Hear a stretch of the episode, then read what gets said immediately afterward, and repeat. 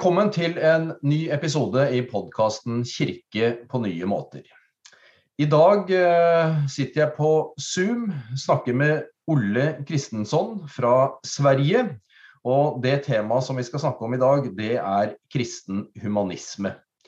Det er ett et tema som jeg har gleda meg til å snakke om länge. lenge. Og jeg har gleda meg til å snakke med Olle. Vi har kjent hverandre i flere år. Fordi at vi har jobba henholdsvis i Sveriges kristne råd og Norges kristne råd på samme tid, og møtt hverandre i en del eh, anledninger. Velkommen til denne praten, Olle, og takk for at du er villig til å være med. Tack, jag tycker det är roligt att vara med och tycker det här är en viktig fråga att prata om. Det er det definitivt. Og eh, noe av bakgrunnen for, eh, for at jeg ønska å ta opp dette her, det handler jo om at uh, litt for ofte så tenker jeg det blir satt opp en sånn eh, motsetning eh, mellom kristen tro og humanisme. Og det er den motsetningen der som vi skal adressere litt i dag og utfordre. Den, eh, den blir litt for enkel. Men aller først, kan du si litt om hvem er du? Hvor kommer du fra? Hva har du gjort? Sånn særlig yrkesmessig kanskje, da, i denne sammenhengen. Mm. Ja, jag är präst i Svenska kyrkan eh, och är numera pensionär, även om jag har några eh, lite ströuppdrag och så kvar.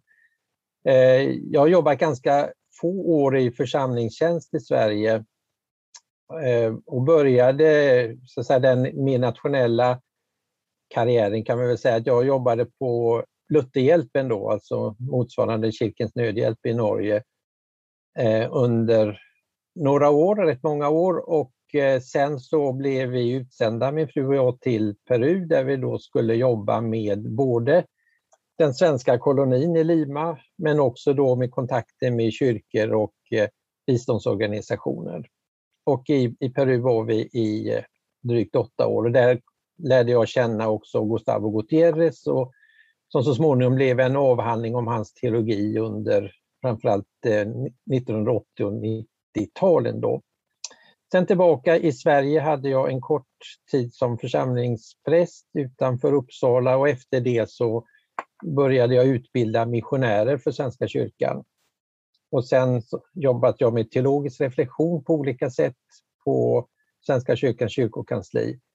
Och 2011 började jag jobba som direktor för ekumenisk teologi på Sveriges kristna råd. Och där gick jag i pension i eh, februari i år. Väldigt bra. Eh, och så har du varit eh, engagerad i det som heter Förbundet kristen humanism som är en, ett förbund, en organisation i Sverige. Kan du inte säga lite om bakgrunden, eller lite om historiken till detta förbundet? Ja, eh, man kan väl säga först bara då att jag, eh, mina föräldrar var medlemmar och när jag var så att säga någorlunda vuxen och ung präst så gick jag själv med i förbundet och tyckte det var ganska självklart. Eh, först som ganska passiv medlem, men sen satt jag i förbundsstyrelsen några år innan vi åkte till Lima. Och sen kom jag tillbaka till förbundsstyrelsen i eh, 2013 tror jag det var. Men förbundet, det, det, förhistorien är egentligen då att det är två förbund som går samman. Då. 1918 så bildades något som hette Förbundet för kristet samhällsliv. Eh, en ledande teolog där var Nathanael Beskov som möjligen är känd i Norge. Han, hade ju, han var aldrig prästvig men eh, var ändå så att säga någon förkunnare och har skrivit en del salmer i den svenska psalmboken och drevs av ett socialt engagemang. En väldigt spännande personlighet som jag någon gång funderade på om man skulle skriva någonting om. Och sen 1937 då bildades Förbundet för kristen humanism och det är ju ganska uppenbart att bakgrunden där, det var ju den framväxande nazismen och, och, och behovet av att på något sätt kunna eh, markera en kristen front mot nazismen. Och det är säkert, det hade ni ju samma stämningar i, i Norge. Och sen 1971 så slogs de här bägge förbunden samman Och då blev namnet Förbunden kristen humanism och samhällssyn. Och jag personligen tyckte väldigt mycket om den benämningen och vi förkortade det KHS. Och det var fortfarande som tungan slinter och jag säger KHS. 2011 så bestämde vi att vi skulle då eh, byta namnet till namnet bara Förbundet Kristen Humanism för att på något sätt eh, det skulle vara enklare att marknadsföra så. Jag kan ju förstå det, men jag tycker att det här med samhällssynen var ett och är ett viktigt inslag då i vad vi inom förbundet eh, vill jobba för. Alltså att, att hänga, föra ihop då liksom den, den kristna människosynen med eh, ett kristet ansvar i samhällsdebatten. Mm. Mulig at noen, uh, i hvert fall i Norge, vil uh, eh, stille spørsmål med, med, den sammenstillingen av kristendom og humanisme. Uh, jeg tror det er riktig å si at at det på mange måter, eh, og det tror jeg vel gjelder litt i Sverige også, er en sånn type kamp, da, eh, hvis vi skal bruke et sånt begrep, om humanismebegrepet. På den ene siden så har, man, har vi mange humanetikere som, eh, som, vil være opptatt av å poengtere at humanismen er et, sånn, et verdslig livssyn. En, gjerne et ateistisk, eller i hvert fall agnostisk livssyn. Og at det representerer en sånn utvikling bort fra det religiøse. Og, og derfor vil forbeholde humanismebegrepet til et sekulært livssyn. Eh, og så vil andre si at humanismen som en grunnholdning da, også er en holdning og en tenkemåte som kan være mer eller mindre realisert innenfor varianter av religionene.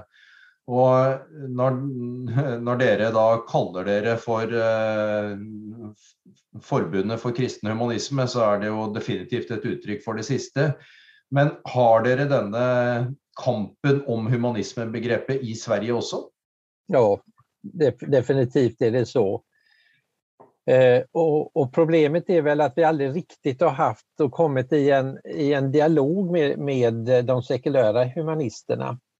Eh, och eh, det har väl funnits försök i, eh, det finns ju en del lo lokalavdelningar då i förbundet kristen humanism, bland annat då i Uppsala, där, eller Uppland då som Uppsala ligger i, eh, där jag eh, bor och är verksam.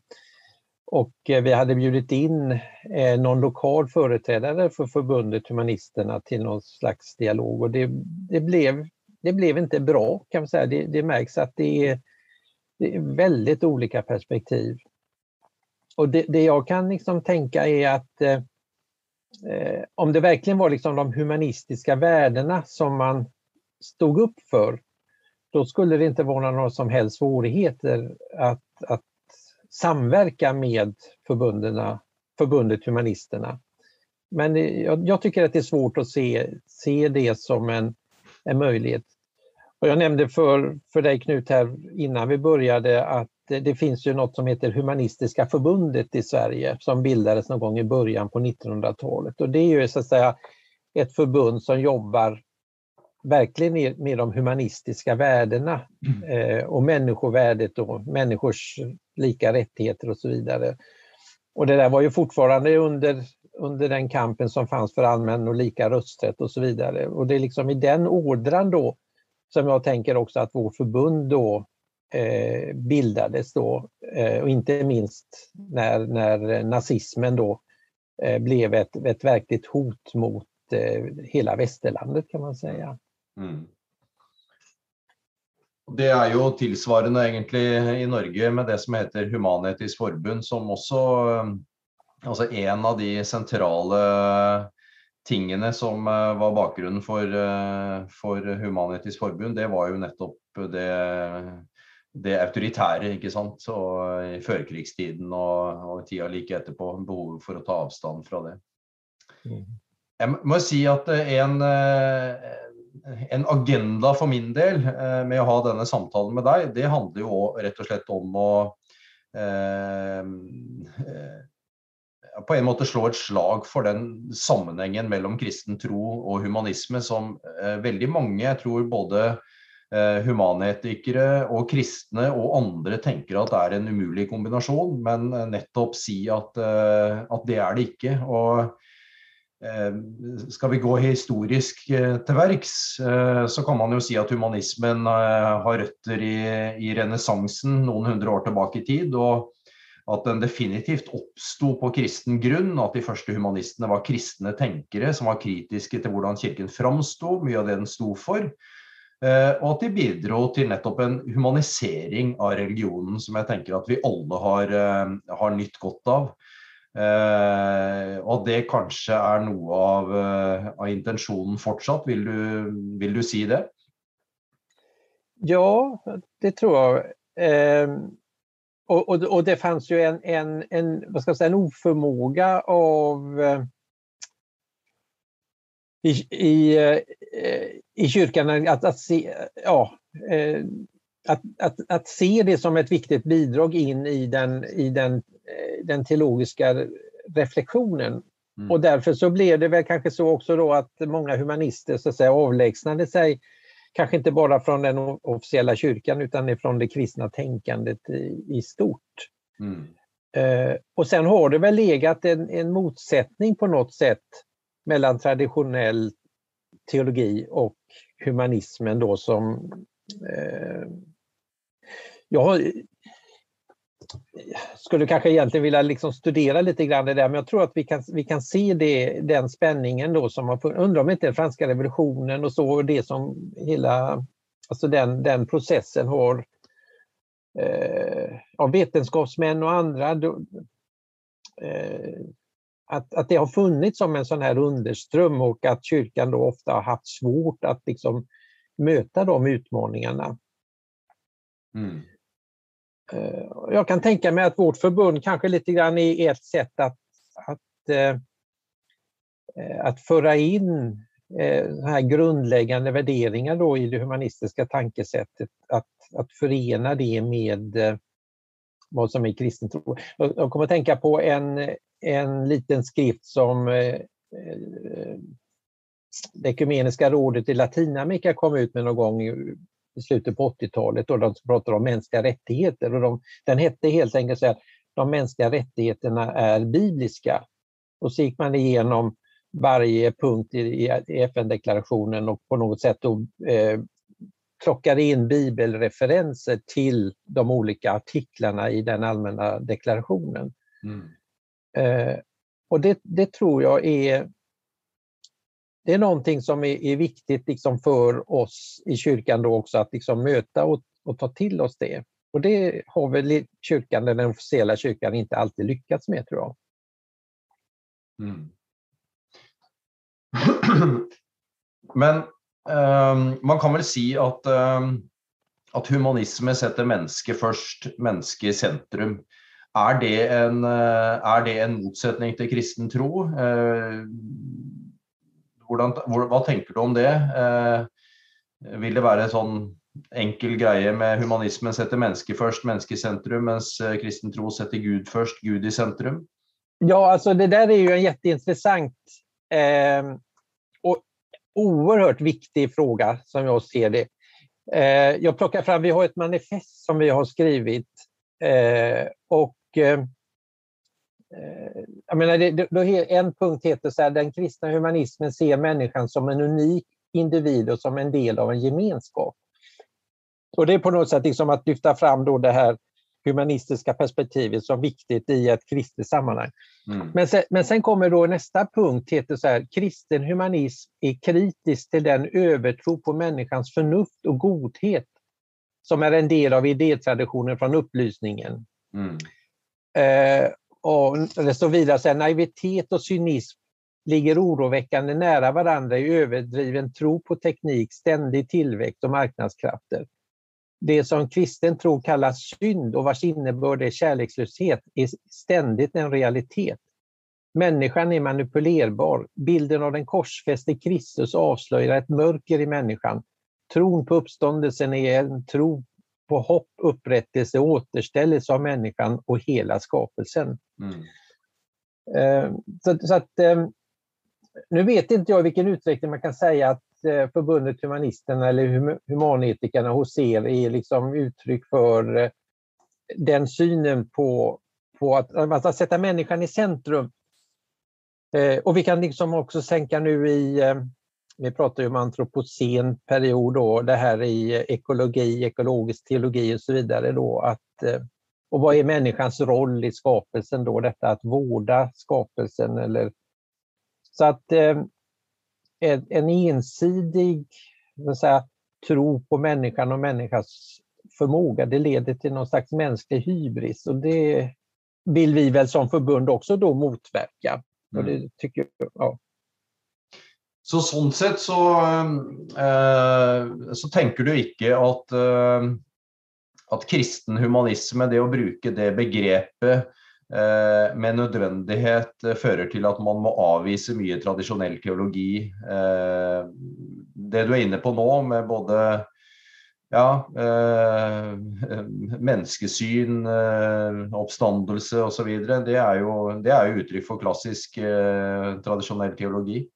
Ja, jag, jag kan inte se egentligen någon motsättning mellan ett humanistiskt perspektiv och det som är grundläggande i vår, vår kristna tro. Mm. Jag, jag, kan förstå då att, att mer traditionellt troende då kan känna en kanske någon slags motsvarande rädsla som eh, den officiella kyrkan eh, har känt inför ja, mänsklig frigörelse överhuvudtaget. Då, att det är någonting som rubbar liksom, status quo. Men, men eh, det är ju snarare så att säga, en, ja, en rädsla då och, och rädda människor, det är väl ofta någonting som, som ja, vad ska man säga, eh, motverkar eh, någon slags teologisk utveckling om man kan säga så. Jag vet inte. Mm. Og da, da, er tanken på en måte at, eh, at, nettopp troen på en gud som vi tenker er skaper, og som har skapt mennesket sitt bilde, plasserer mennesket eh, på mange måter i sentrum av tilværelsen, da, eh, med et spesielt ansvar osv. Men, eh, men også med, med, de forbeholdene da, som du tar i forhold til menneskelig hybris osv. Mm. Mm. Ja. Mm. Så men eh, dere i, i, forbundet da, hva, hva er viktige anliggender for dere nå? Altså i eh, eh du sa dette med samfunnsengasjement, som er en veldig viktig del. Er det det som er hovedperspektivet, på en måte? Å engasjere seg i, i konkrete samfunnsutfordringer? Mer enn teologiske diskusjoner? Nej, det, går, det går inte att säga så. Eh, eh, jag ska se. Eh, vi, vi, har ju, vi har ju liksom två stora grejer som vi gör i förbundet. Dels så ger vi ut en bok varje år. Mm. Eh, där vi har ett, vi samlar olika artiklar som fångar lite grann den här diskussionen och den debatten som vi som kyrkan står i då i samhället. Och sen har vi då vad vi kallar för sommarmöte där vi samlar medlemmarna då till att, att reflektera över, över eh, ja, kyrkan, kyrkans roll i samhället. Och, eh, förra året så kunde vi inte ha och sen hade vi ett i början på augusti här. Tro, hopp och framtid, kristen i en galen tid var, mm. var rubriken. Och då bjuder vi in föreläsare eh, från, eh, ja inte bara från kyrka utan också då eh, så här, opinionsbildare utav olika slag. Mm. Men det finns också ett inslag då alltså, utav kultur, alltså hur vi fångar sådana här eh, ja, tematik på olika sätt. Eh, och eh, jag menar om man tar ett, ett, en rubrik på en föreläsning var I krisens tid om att lära sig leva i samklang med allt och alla. Då hade mm. vi bjudit in en, en idéhistoriker, Sverker Sölin, som samtalade med KG Hammar, han, vår tidigare ärkebiskop. Eh, och vi, vi har alltid bjudit in en författare som inte nödvändigtvis måste bekänna sig som kristen men som liksom rör sig i den här, det här området då bland, bland, med livsfrågor och som relaterar det till de frågor som vi brukar jobba med. Mm. Och i, och i vår, årets bok då, där har vi en, en, förutom artiklar så har vi ju recensioner och då speglar vi ju eh, litteratur som har kommit ut under året som har beröringspunkter med eh, de frågor som vi jobbar med. Vi har ett, ett avsnitt där det är skönlitteratur och litteraturhistoria. Vi har tro och teologi mm. eh, och så har vi då samhällsfrågor. Mm. Och eh, våra recensenter då, de, de finns ju oftast inom förbundet som då så att säga, delar den, den grundhållning som vi har. Och, och, då, och då får man kommenterat då relativt nyutkommen litteratur utifrån ett kristet humanistiskt perspektiv. Mm. Mm.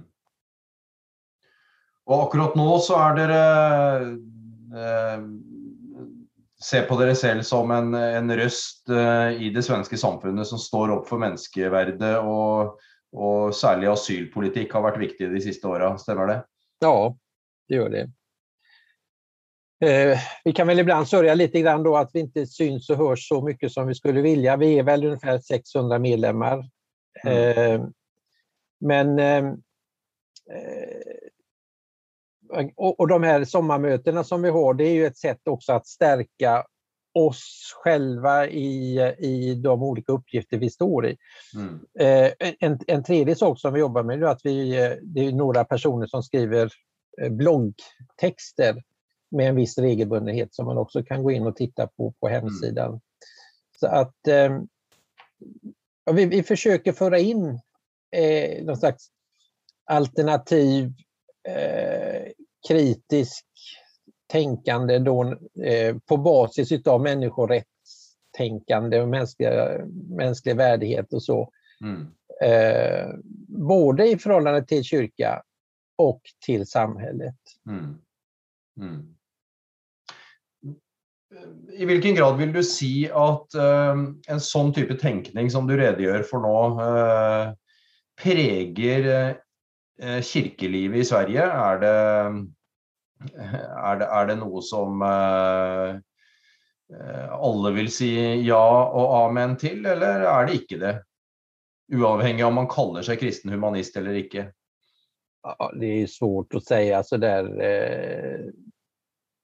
Men jag, jag tror att vi kanske en liten del, en liten del påverkar ändå eh, det hela. Men jag fick en, en ganska intressant reaktion här. En, en, en prästkollega, då, god vän, som hade predikat i en, en kyrka i södra Sverige. Igår så hade vi då den 13 söndagen efter trefaldighet och då är det medmänniskan då som är temat och det är ju liksom berättelsen då om den barmhärtige samarien. Mm. Och då hade då en, en av eh, damerna som hade lyssnat på honom sagt att det var den hemskaste och eh, dåligaste predikan jag någonsin har, har, hört. Och det som då den här personen reagerade på det var att han förde in eh, så att säga, samhällsansvaret i, i predikan. Mm. Och det var ju någonting som inte hörde hemma i en predikan enligt den här personen. Okay. Sen så fick han ju mycket han fick ju respons från andra då som tyckte att det var väldigt bra. Så att det, det finns väl, där finns ju en spänning naturligtvis då när man när man talar om de här frågorna, är det någonting man säger från predikstolen eller är det någonting man säger i något annat sammanhang? Och vi har en jättedebatt i, i, i Sverige då, inte bara i, i Svenska kyrkan utan i samhället i stort, liksom vad, att, att kyrkan ska inte ägna sig åt de här frågorna, det är andra som ska göra. Mm. Utan vi ska vara mer fokuserade på det som är så att säga, det traditionella i, i tron. Så jag tror att det där är en, en ständig kamp att eh, att föra då eh, att, att de här frågorna är jag tänker lite grann utifrån mina erfarenheter också ifrån Latinamerika och befrielseteologin där, där eh, alltså de politiska och viktiga frågorna de, de hör hemma i också ett kyrkligt sammanhang. Och sen är det, är det så att vi gör ju en teologisk reflektion över det där. Det är ju inte så att vi predikar politik från våra predikstolar utan vi, vi reflekterar ju eh, i grunden efter att vi har sett vad kyrkans tradition och vad, vad Bibeln säger i olika frågor. Mm. Det är ju det som är rättesnöret för oss. Mm. Mm. Ja. Akkurat den diskussionen du är inne på nu, med hvorvidt Kirken skal engasjere seg i samfunnsdebatten, hva Kirken skal uh, si noe om, mene noe om, det, det, er jo en diskusjon som jeg kjenner igjen fra Norge også. Og uh, av og til så kommer det utsagn som at, uh, at, Kirken bør konsentrere seg om det den egentlig skal gjøre, osv.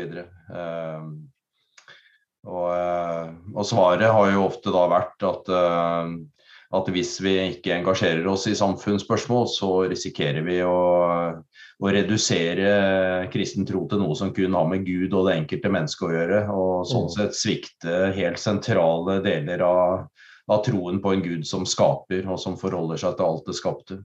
Mm. Mm. I, i Metodistkirken, eh, som jeg tilhører, så uh, sier vi ofte at vi har liksom fire kilder til teologisk arbeid. Det er Bibel, tradisjon, erfaring og fornuft.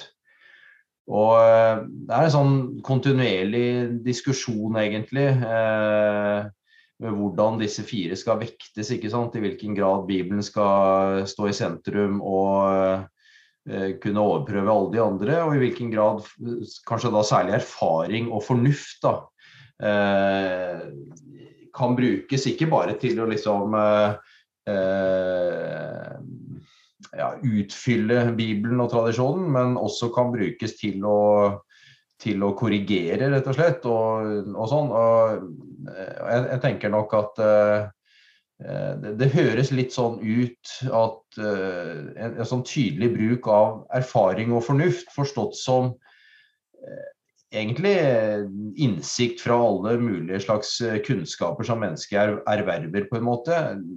Ikke nødvendigvis uh, liksom, Det setter jo ikke Bibelen til side, det gjør jo ikke det, men det gjør at vi at vi eh, hjelper oss til å lese kanskje og forstå Bibelen på litt andre måter enn hvis vi ikke hadde anerkjent de to som, eh, som legitime kilder da, for det teologiske arbeidet. Er det en tanke du kan være med på? Absolut. Uh, ehm, eh, och, och Dels så tänker jag så här då när, när jag började läsa teologi och jag vet inte om jag fick, blev väl aldrig varnad för att eh, universitetsteologin skulle kunna liksom förstöra din tro och så. Men jag, jag vet ju att det, jag hade ju prästkandidat, eh, alltså kollegor kanske inte man kan säga när man läser på, men andra studentkamrater säger vi väl. Mm.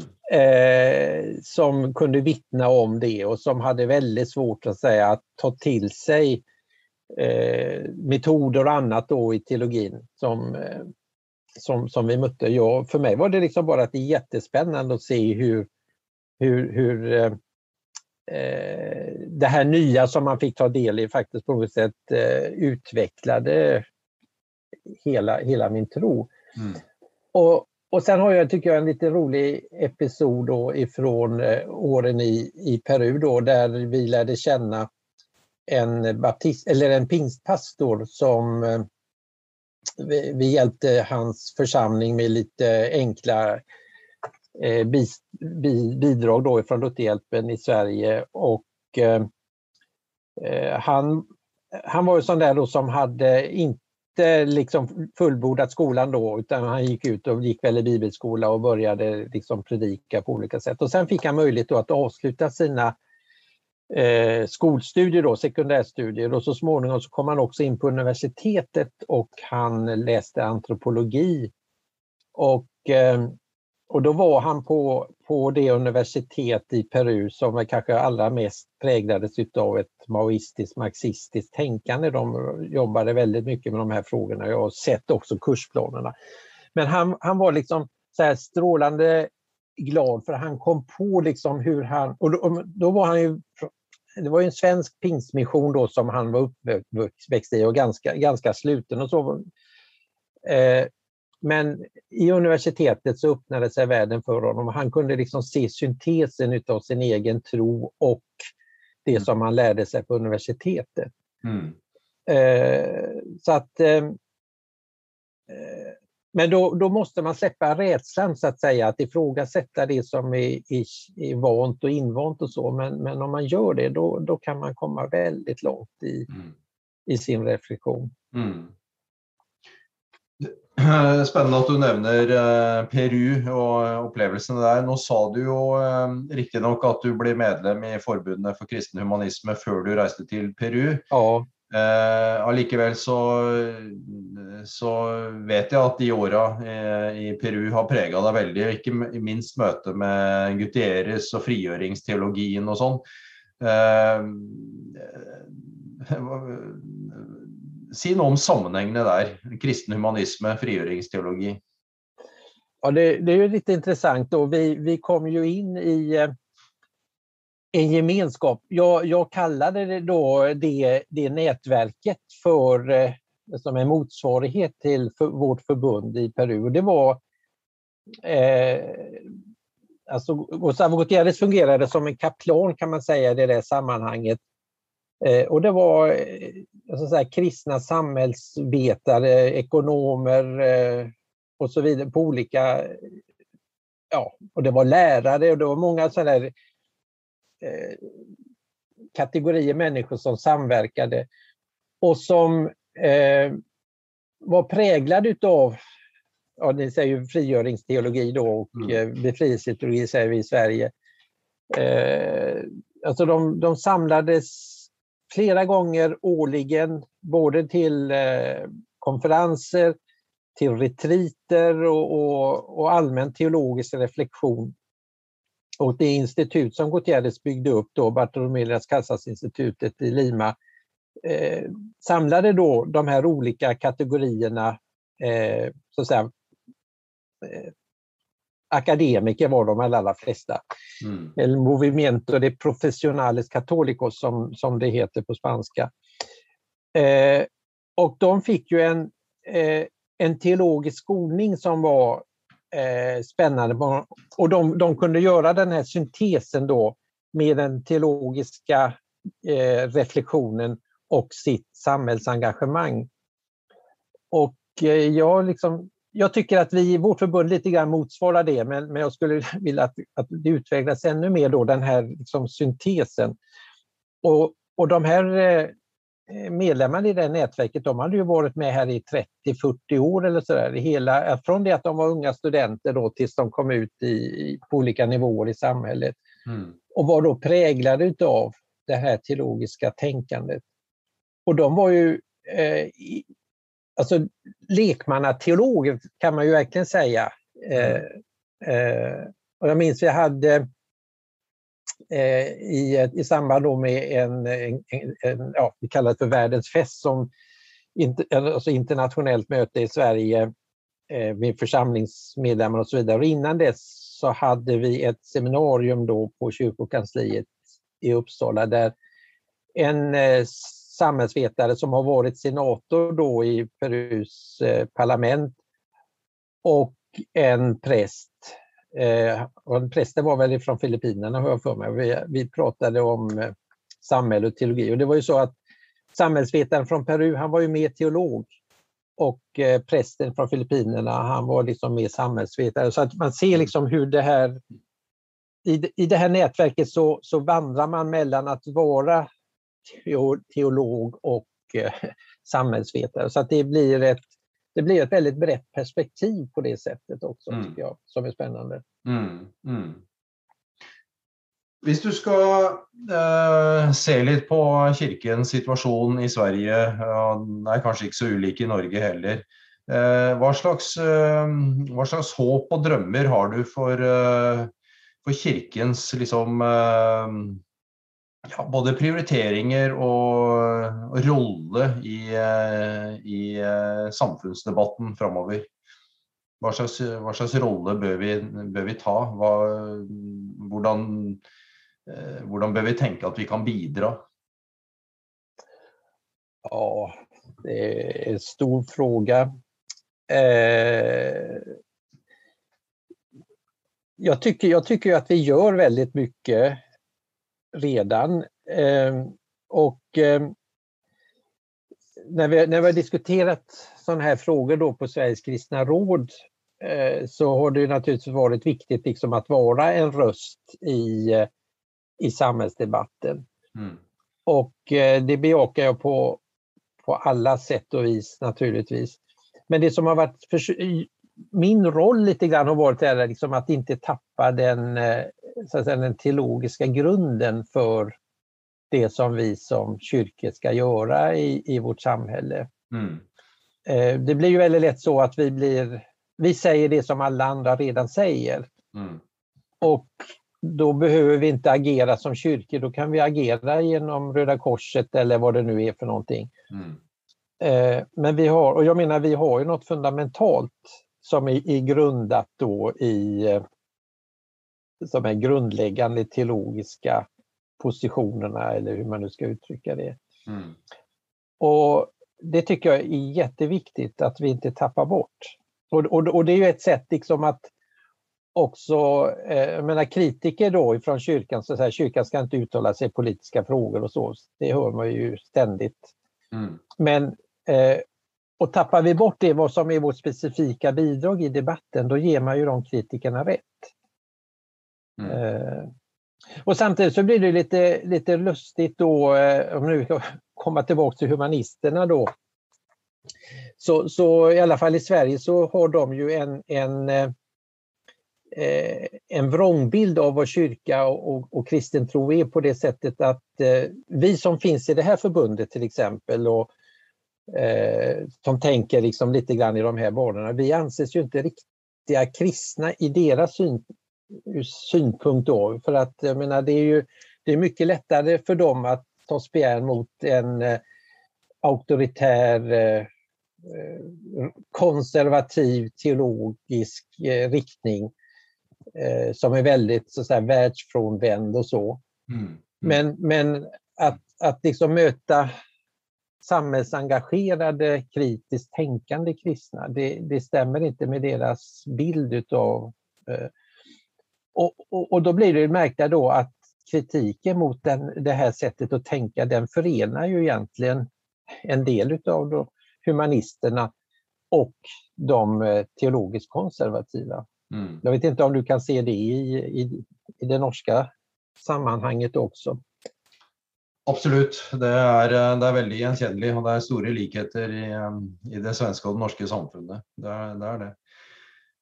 Jeg tenker jo at eh, nå, altså Kontakten mellom oss på tvers av, av tros- og livssynssamfunn er jo, er jo stor i, i, vår tid. Og eh, for min del må jeg si at jeg syns det har vært spennende å lære av, av humanetikerne. Og, og tenker at egentlig alle alle livssyn, enten de er religiøse eller sekulære, eh, har på en måte sånn derre Kall det gjerne sånn skifte i mennesket, da, hvor man på en måte vender noe av oppmerksomheten bort fra seg selv og til å på en måte ta inn perspektivet som handler om et ansvar for både medmennesker og den verden vi lever i. og Der mm. tenker jeg at vi gjør veldig felles sak med, med humanetikere også i Norge. Altså, det har vært en god opplevelse, ikke minst gjennom det som heter Samarbeidsrådet for tros- og livssynssamfunn. Mm. Eh, og så tenker jeg jo, som du også understreker, og som jeg tenker er en, eh, er en eh, eh ja, en viktig anliggende med denne samtalen. Eh, at humanisme egentlig er en sånn eh, impuls, en tanke som kan gjennomsyre eh, og prege ulike livssyn, enten de er religiøse eller eh, sekulære. Og Eh, vi snakka litt om eh, Dag Hareide før vi starta opptaket her, tidligere rektor ved Nansen-skolen. Han har sagt det på en god måte, syns jeg, at en religiøs som ikke kan godta at en ateist kan være humanist, er ikke en humanist. Og en ateist som ikke kan godta at en religiøs kan være humanist, er ikke en humanist. Mm. Jeg tror det på mange måter er en oppsummering av det jag tänker att vi vill förmedla, Olle. Är du enig i det? Ja, jag tycker det är en väldigt bra formulering. Det ska, tänker väldigt mycket, ska göra det, det är på pricken tror jag, vad man kan mm. säga. Mm.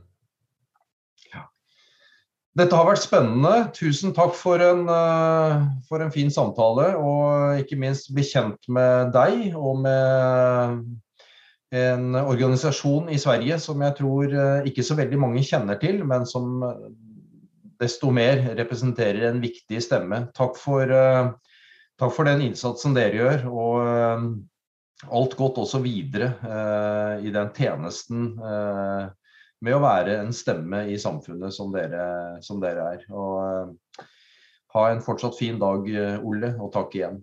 Ja, tack själv Knut. Det var skojigt och roligt att, att samtala med dig om de här frågorna också.